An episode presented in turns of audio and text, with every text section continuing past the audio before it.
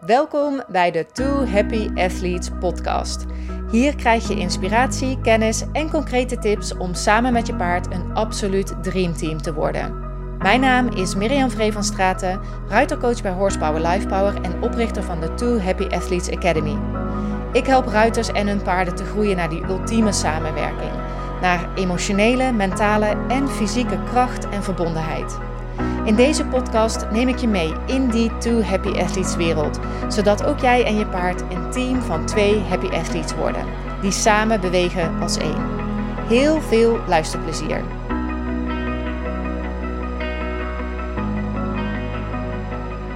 Ja, daar ben ik weer. Het is weer tijd voor een nieuwe aflevering in de Two Happy Athletes podcast. Super leuk dat je luistert. Ik heb denk ik ook een hele toffe aflevering voor je deze keer. Um, dus ja, laten we gelijk beginnen. Wat ik heel vaak hoor als ruitercoach en als trainer van uh, ruiters is als ik bijvoorbeeld met een idee kom of met iets nieuws kom van ja, dat weet ik al. Of ja, dat heb ik al geprobeerd, maar het werkte niet. En natuurlijk kan het zo zijn dat je iets uh, heel erg uh, geprobeerd hebt en dat het echt niet lukte. Maar ik vraag me dan altijd af van, heb je het ook echt geprobeerd? Dus niet, ik heb het één keer of een weekje uitgetest en ja, ik dacht sowieso al dat het niet ging werken, dus tada, het werkt ook niet. Nee, heb je het echt geprobeerd? Leef je het ook echt? Dus is het een gewoonte geworden? Zit het echt in je systeem? Of weet je het alleen maar? En om een beetje het verschil te duiden en uh, om je ook een beetje gerust te stellen, als je zelf dit een keer dit gevoel hebt gehad, als je zelf erop betrapt van, oh ja, shit, ik doe dat ook. Uh, ik zeg ook wel eens van, ja, dat weet ik al, terwijl ik het eigenlijk zelf helemaal niet doe. Uh, eerlijk is eerlijk, met Elise heb ik dat ook wel eens gehad. Een paar jaar terug was mijn overtuiging over Elise dat ze, over mijn eigen paard dus, dat ze ja, gewoon niet zo te porren was voor uh, voer. En uh, dus voor klikkertraining, voor training met positieve bekrachtiging. En ik zie andere paarden, uh, zag ik er heel veel en heel enthousiast ook op reageren. En ook paarden die ik zelf begeleide met hun ruiters. En bij Elise dacht ik altijd zo van, nee, ze, ze vindt het niet wat, zeg maar. Het werkt niet. Maar toen dacht ik van, ja, oh, wacht even. Ik weet de theorie. Ik weet ook dat het werkt. Ik zorg er ook voor dat het bij anderen werkt, maar ik leef het zelf niet. Ik doe dus alsof het niet werkt, maar ja, ik ben er eigenlijk niet echt zodanig ingedoken dat het ook echt voor haar gaat werken. Dus om een hele theorie, ja, wat zeg ik eigenlijk, de belangrijkste theorie als het gaat over hoe je paard leert, om dat aan de kant te zetten.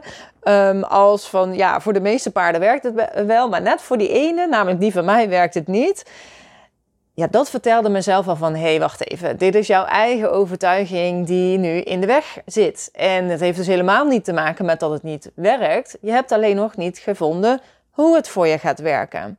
En dat betekende dus van, ja, je weet het wel, maar je leeft het niet. Ik leefde het nog niet.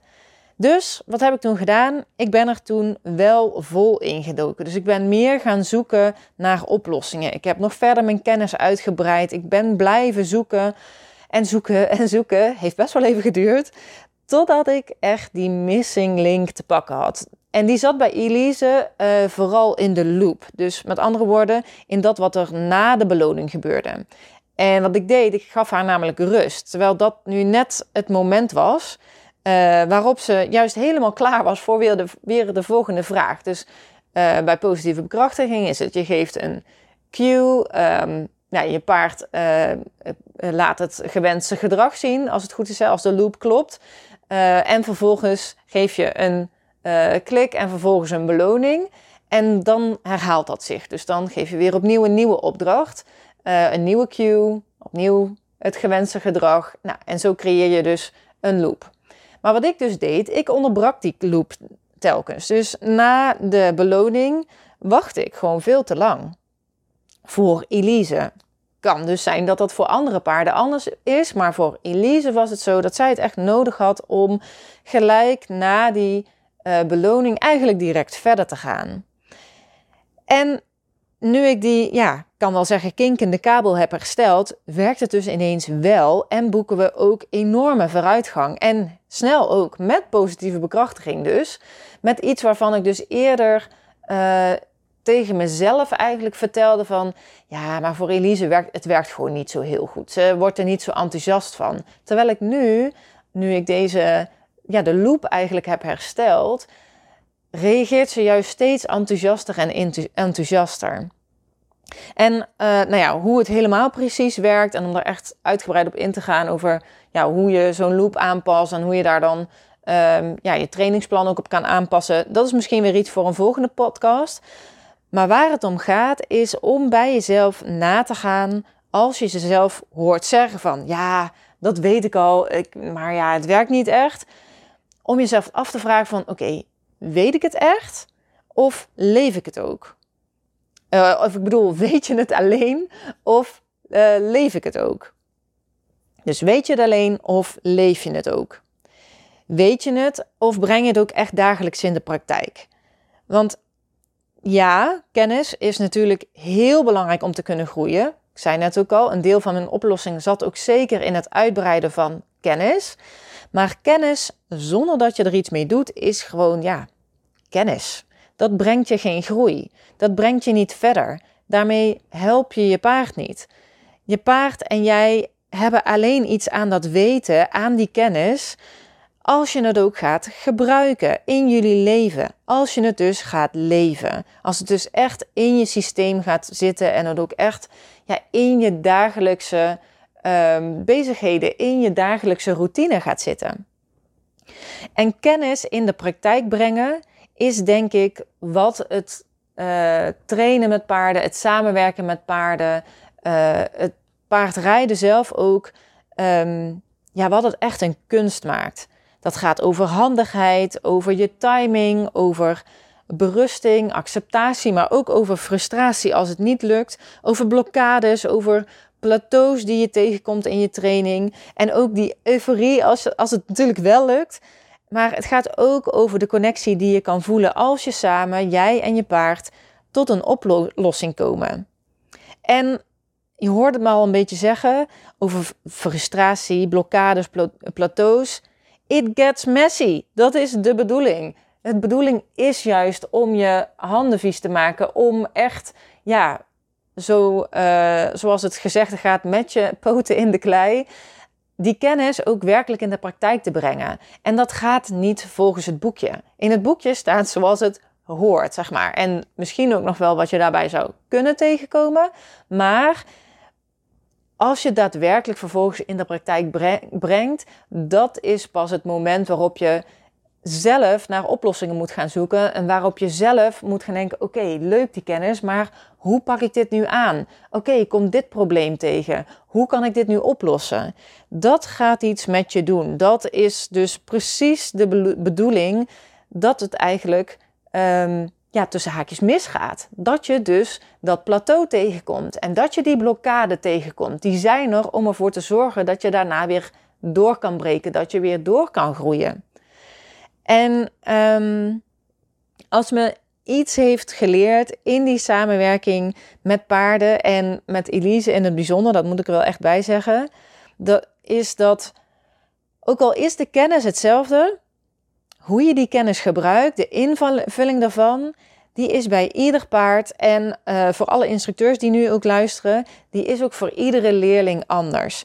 Iedereen neemt weer, uh, in, heeft weer een andere interactie uh, met je. Dus of dat nu gaat over uh, inderdaad een leerling, als je een instructeur bent, iedere leerling heeft weer andere leerstijlen. Ook je paard, ook paarden hebben ja, ieder hun eigen karakter en hun eigen manier van leren en hun eigen voorkeuren. Net zoals dat Elise ook bij mij heel duidelijk uh, aangaf dat ze helemaal geen behoefte had aan rust, maar juist behoefte had aan uh, weer een nieuwe opdracht. Dat dat juist ervoor zorgde dat ze ook echt enthousiast kon worden en ook echt die motivatie kon ontwikkelen.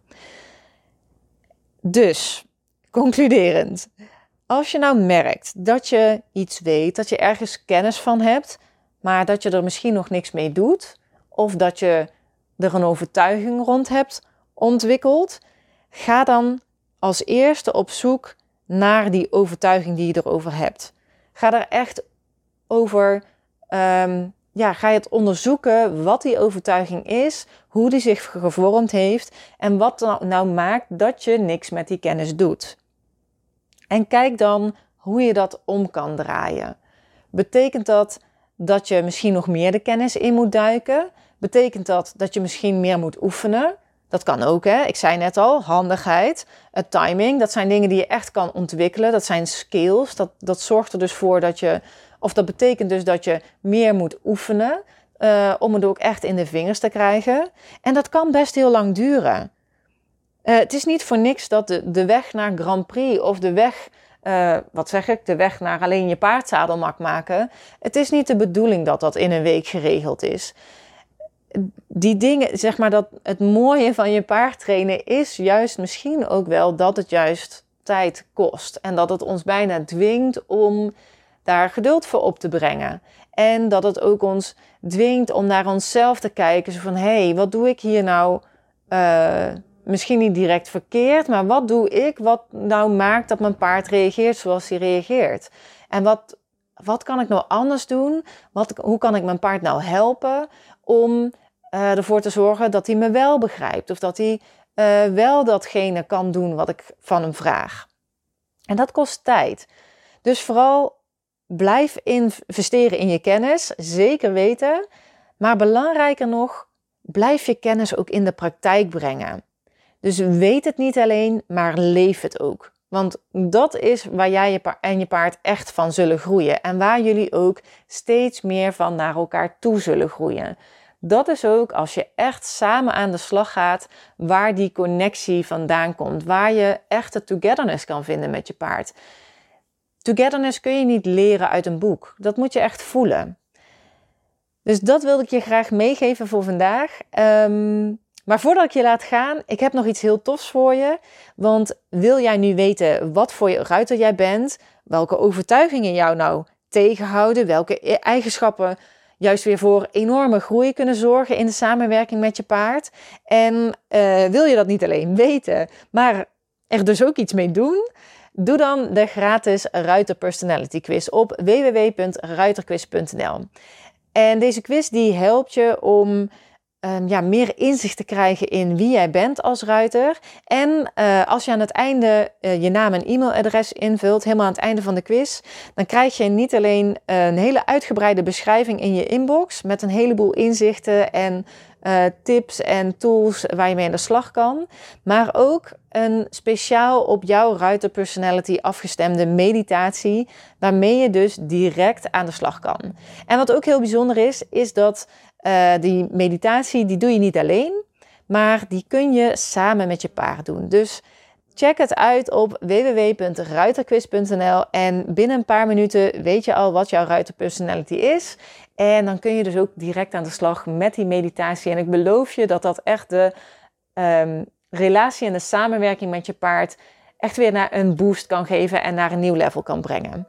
Nou, dat was het dan echt. Uh, laat me weten wat je van deze aflevering vond in een reactie. Hoe je dat doet, dat hoor je helemaal aan het einde van deze aflevering. En natuurlijk heel graag weer tot de volgende aflevering.